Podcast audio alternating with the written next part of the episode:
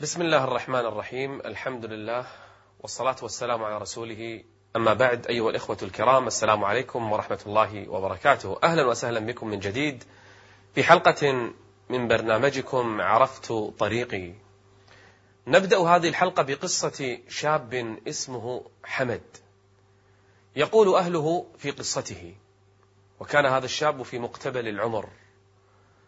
لا زال الآن يبحث عن زوجة ليؤسس بيتا وبعد أن يحصل على شهادة سيعمل في أفضل وظيفة في بداية حياته ومقتبل عمره. أصيب بسعال اللي نسميه الكحة. اشتدت هذه أو هذا السعال اشتد عنده؟ ذهب إلى الطبيب أدوية عادية. مع الأيام السعال يشتد أكثر فأكثر. لم يعرف ما الذي به. فجأة بدأ السعال يخرج نوعا من البلغم المخلوط بالدم. ذهب إلى الطبيب قال ربما الالتهاب شديد. لكن سوف نجري لك بعض التحاليل وبعض الأشعة لنتأكد. يقول حمد كما يخبر عنه أهله عن قصته يقول أنه كان خائفا من نتيجة التحاليل لأنه كان يحس بتعب ليس كالأمراض العادية. جاء بعد الأشعة الطبيب يدقق وحمد خائف. يا دكتور إيش فيني؟ إن شاء الله خير إن شاء الله خير.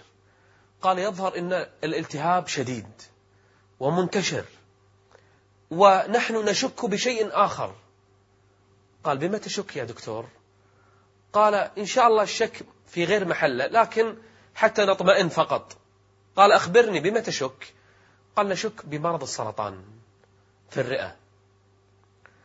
لكن الشك إن شاء الله ضعيف. فسأل الدكتور سأل حمد.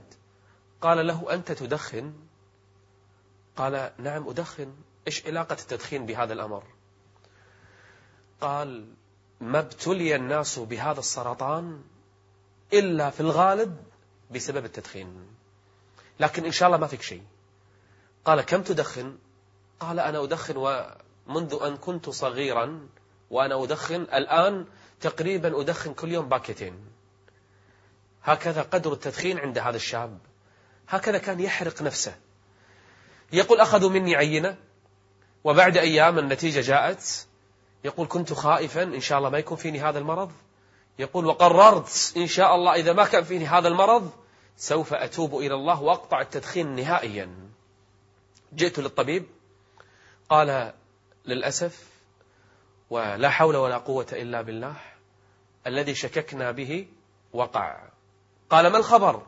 قال أنت مصاب بالسرطان. لكن لا نعرف مداه ويجب أن ندخلك إلى المستشفى المتخصص بهذا بأمراض السرطان. يقول انهرت في ذلك اليوم أنا شاب صغير للتو في بداية الحياة. أفكر بالزواج وبالوظيفة وبالعمل أستمتع حالي حال الشباب. هذه حياتي بدأتها الآن أنا. يقول أرسلت إلى المستشفى وبعد الفحوصات التامة والأشعة المقطعية وغيرها من الفحوصات جاءني الطبيب المختص قال لي لا حول ولا قوة إلا بالله. ما أحسست بالألم من قبل؟ قلت لا والله يا دكتور. منذ السعال فقط من هذا المرض أحسست بالألم ما كنت أشعر بشيء. قال المصيبة أن هذا المرض انتشر في جسمك كله من الرئة إلى الكبد. كل هذه الأجزاء انتشر فيها هذا المرض والعياذ بالله. مرض ما يعرف حدود. مرض ما يرحم. ولعله ابتلاء من الله عز وجل. قال ما السبب؟ شلون صار فيني؟ سأله هذا الطبيب أيضا مرة ثانية. أول سؤال سأله. تدخن؟ قال نعم. وما علاقة التدخين؟ قال هذا كله بسبب التدخين.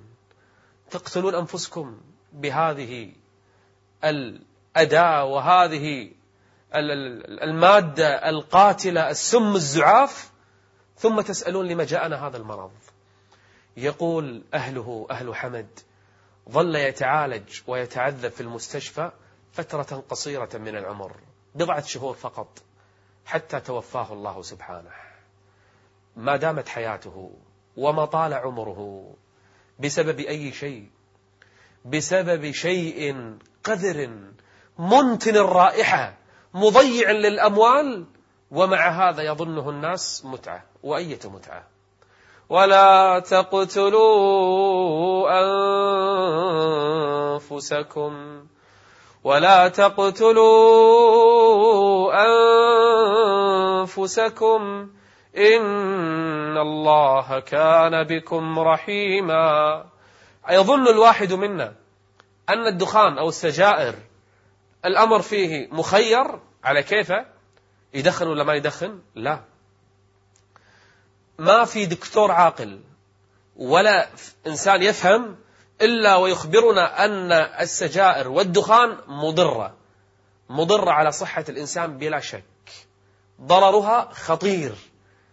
فهل يرضى الله عز وجل لأي مخلوق أن يضر نفسه؟ لا ضرر ولا ضرار حرام. لو واحد قال أنا كيفي حر؟ مو أصابعي؟ أنا حر فيها. أبي أقطع صبع ما بي أنا أبي أعذب نفسي.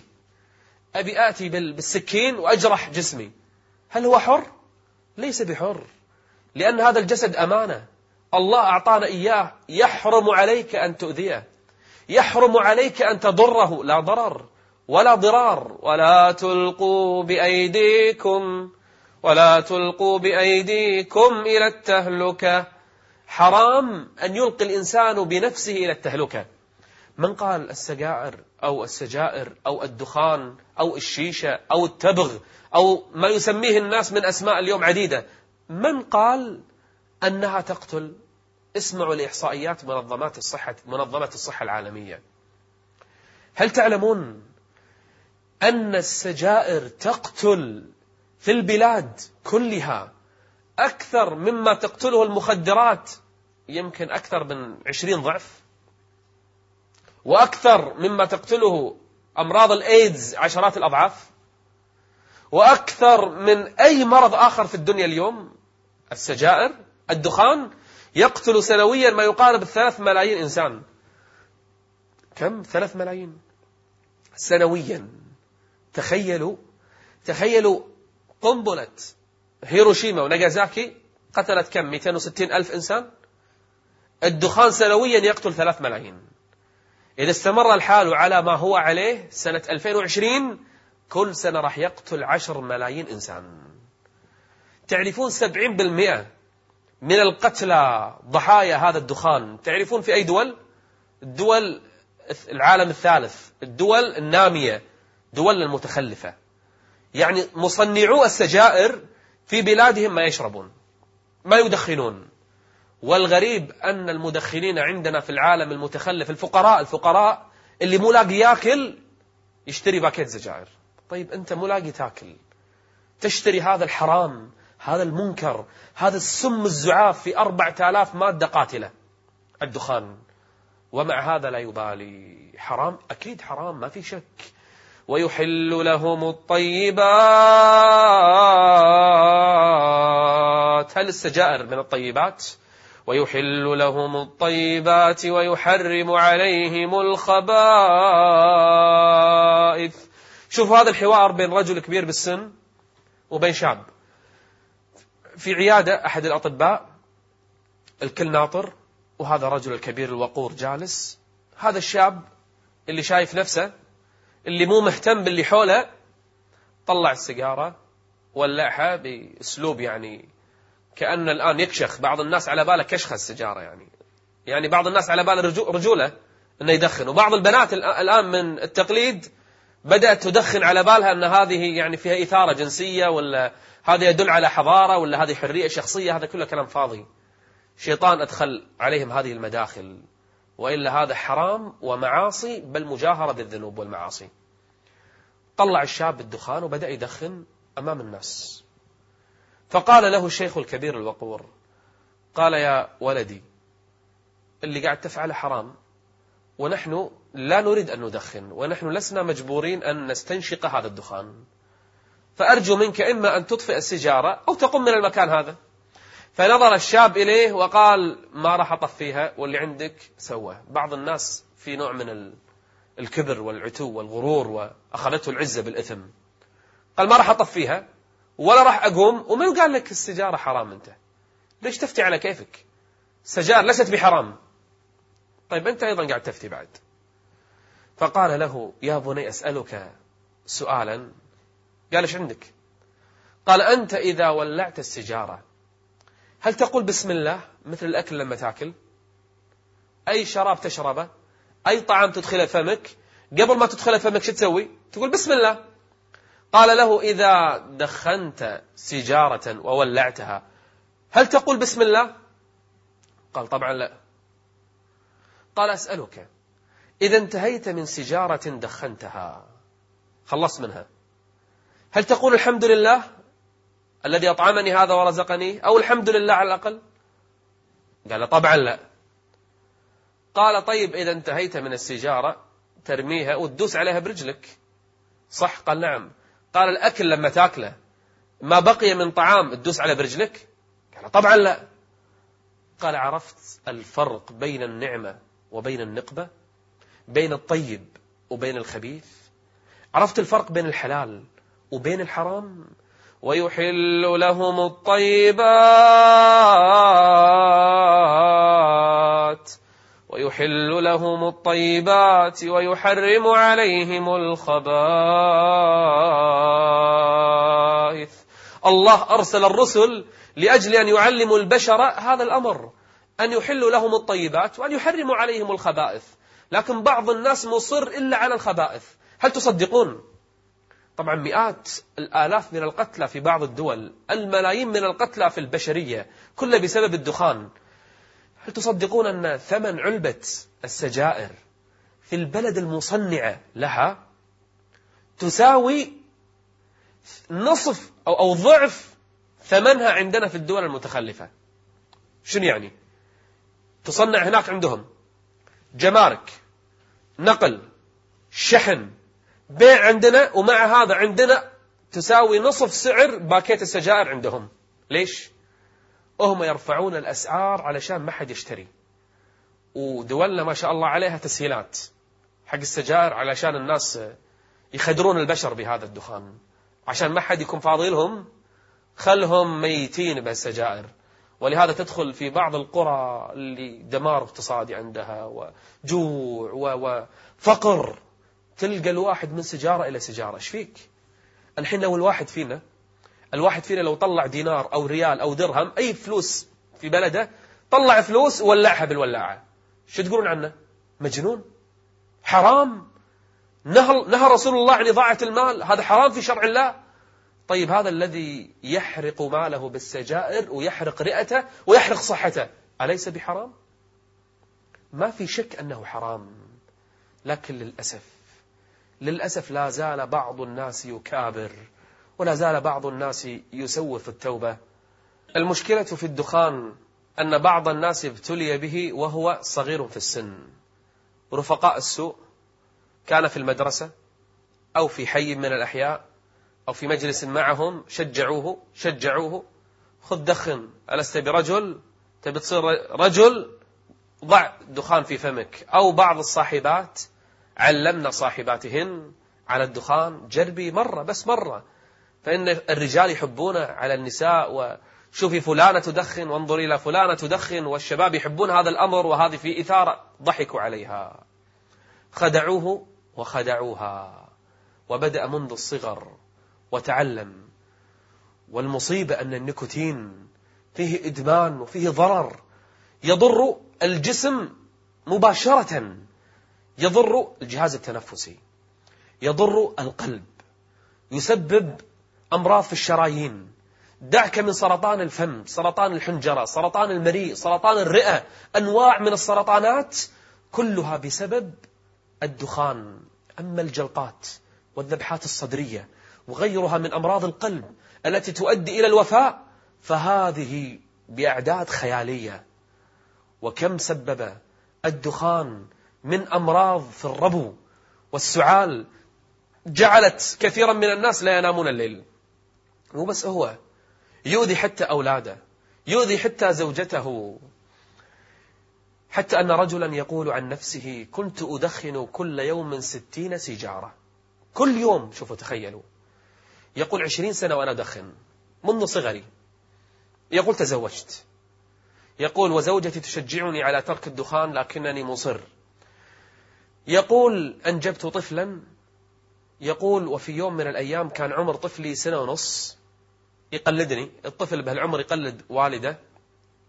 يقول شفته جايب صحن وجايب قلم حاط القلم بفمه ويمسكه مثل الدخان ويضرب فيه في الصحن مثل ما أفعل أنا بالطفاية.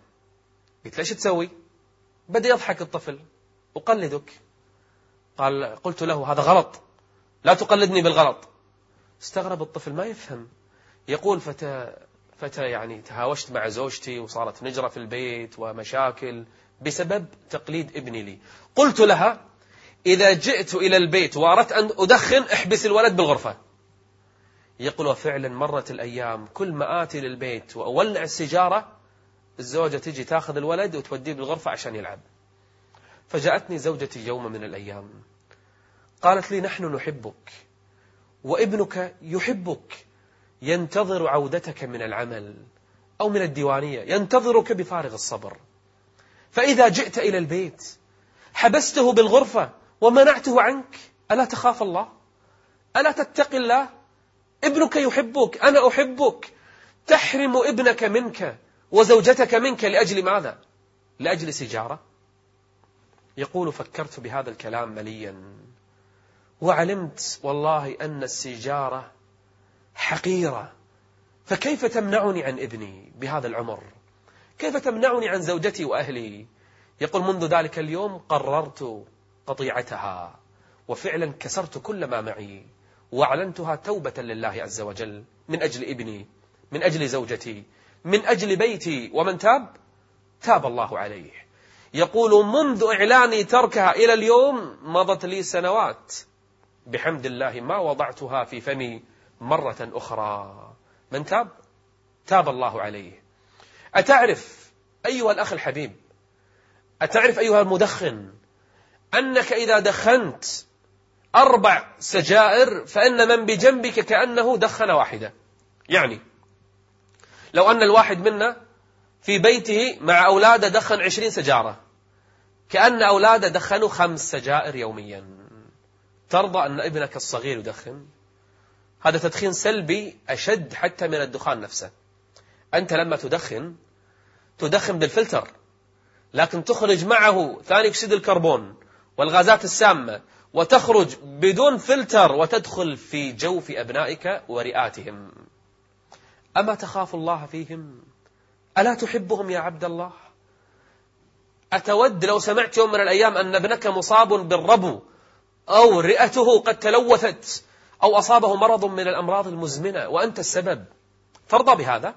لو رأيت ابنك يوم من الأيام صار عمره 11-12 سنة خلسة سرق أموال أو أخذ شيء من سجائرك وذهب في الفناء البيت أو اختبأ في الحمام أو في السطح وأخذ يدخن. لو اكتشفت هذا الأمر.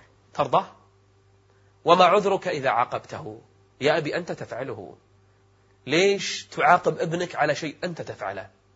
حتى التربية لن تستطيع أن تربي أبنائك. إذا اتخذ هذا القرار من الآن. احفظ نفسك احفظ عيالك احفظ أهل بيتك. هل تصدق أيها المدخن أن السيئات التي جمعتها بدخانك طوال السنين الماضية؟ لو قررت الآن أن تتوب وكانت توبتك نصوحا وصادقة ومن القلب وأتلفت كل ما عندك وقاطعت حتى المجالس التي تدخن حتى لا ترجع مرة أخرى وهذا دليل على صدق توبتك. واستبدلت الدخان بالسواك أو طيبت هذا الفم بذكر الله جل وعلا وصدقت في التوبة هل تعلم أن كل السيئات في السنين الماضية سوف تنقلب الآن إلى حسنات؟ إلا من تاب وآمن وآمن وعمل عملا صالحا فأولئك يبدل الله سيئاتهم حسنات وكان الله غفورا رحيما. الدخان معصية وإثم وسيئات وإضاعة للأموال وإضاعة للأعمار وفساد اجتماعي ورائحة منتنة خبيثة الملائكة تتأذى من هذه الرائحة والمؤمنون يتأذون من هذه الرائحة. بل أحيانا وأنا رأيتها بنفسي عندما دخلت بيت الله عز وجل فرأيت حذاء أجلكم الله. عند الأحذية في مدخل المسجد رأيت في هذا الحذاء باكيت دخان حاطة بجوتية أجلكم الله. لأن هذا هو مكانه الحقيقي. هذا هو مكانه الطبيعي. بل يداس على الأقدام لأن هذا هو مصير هذا الدخان.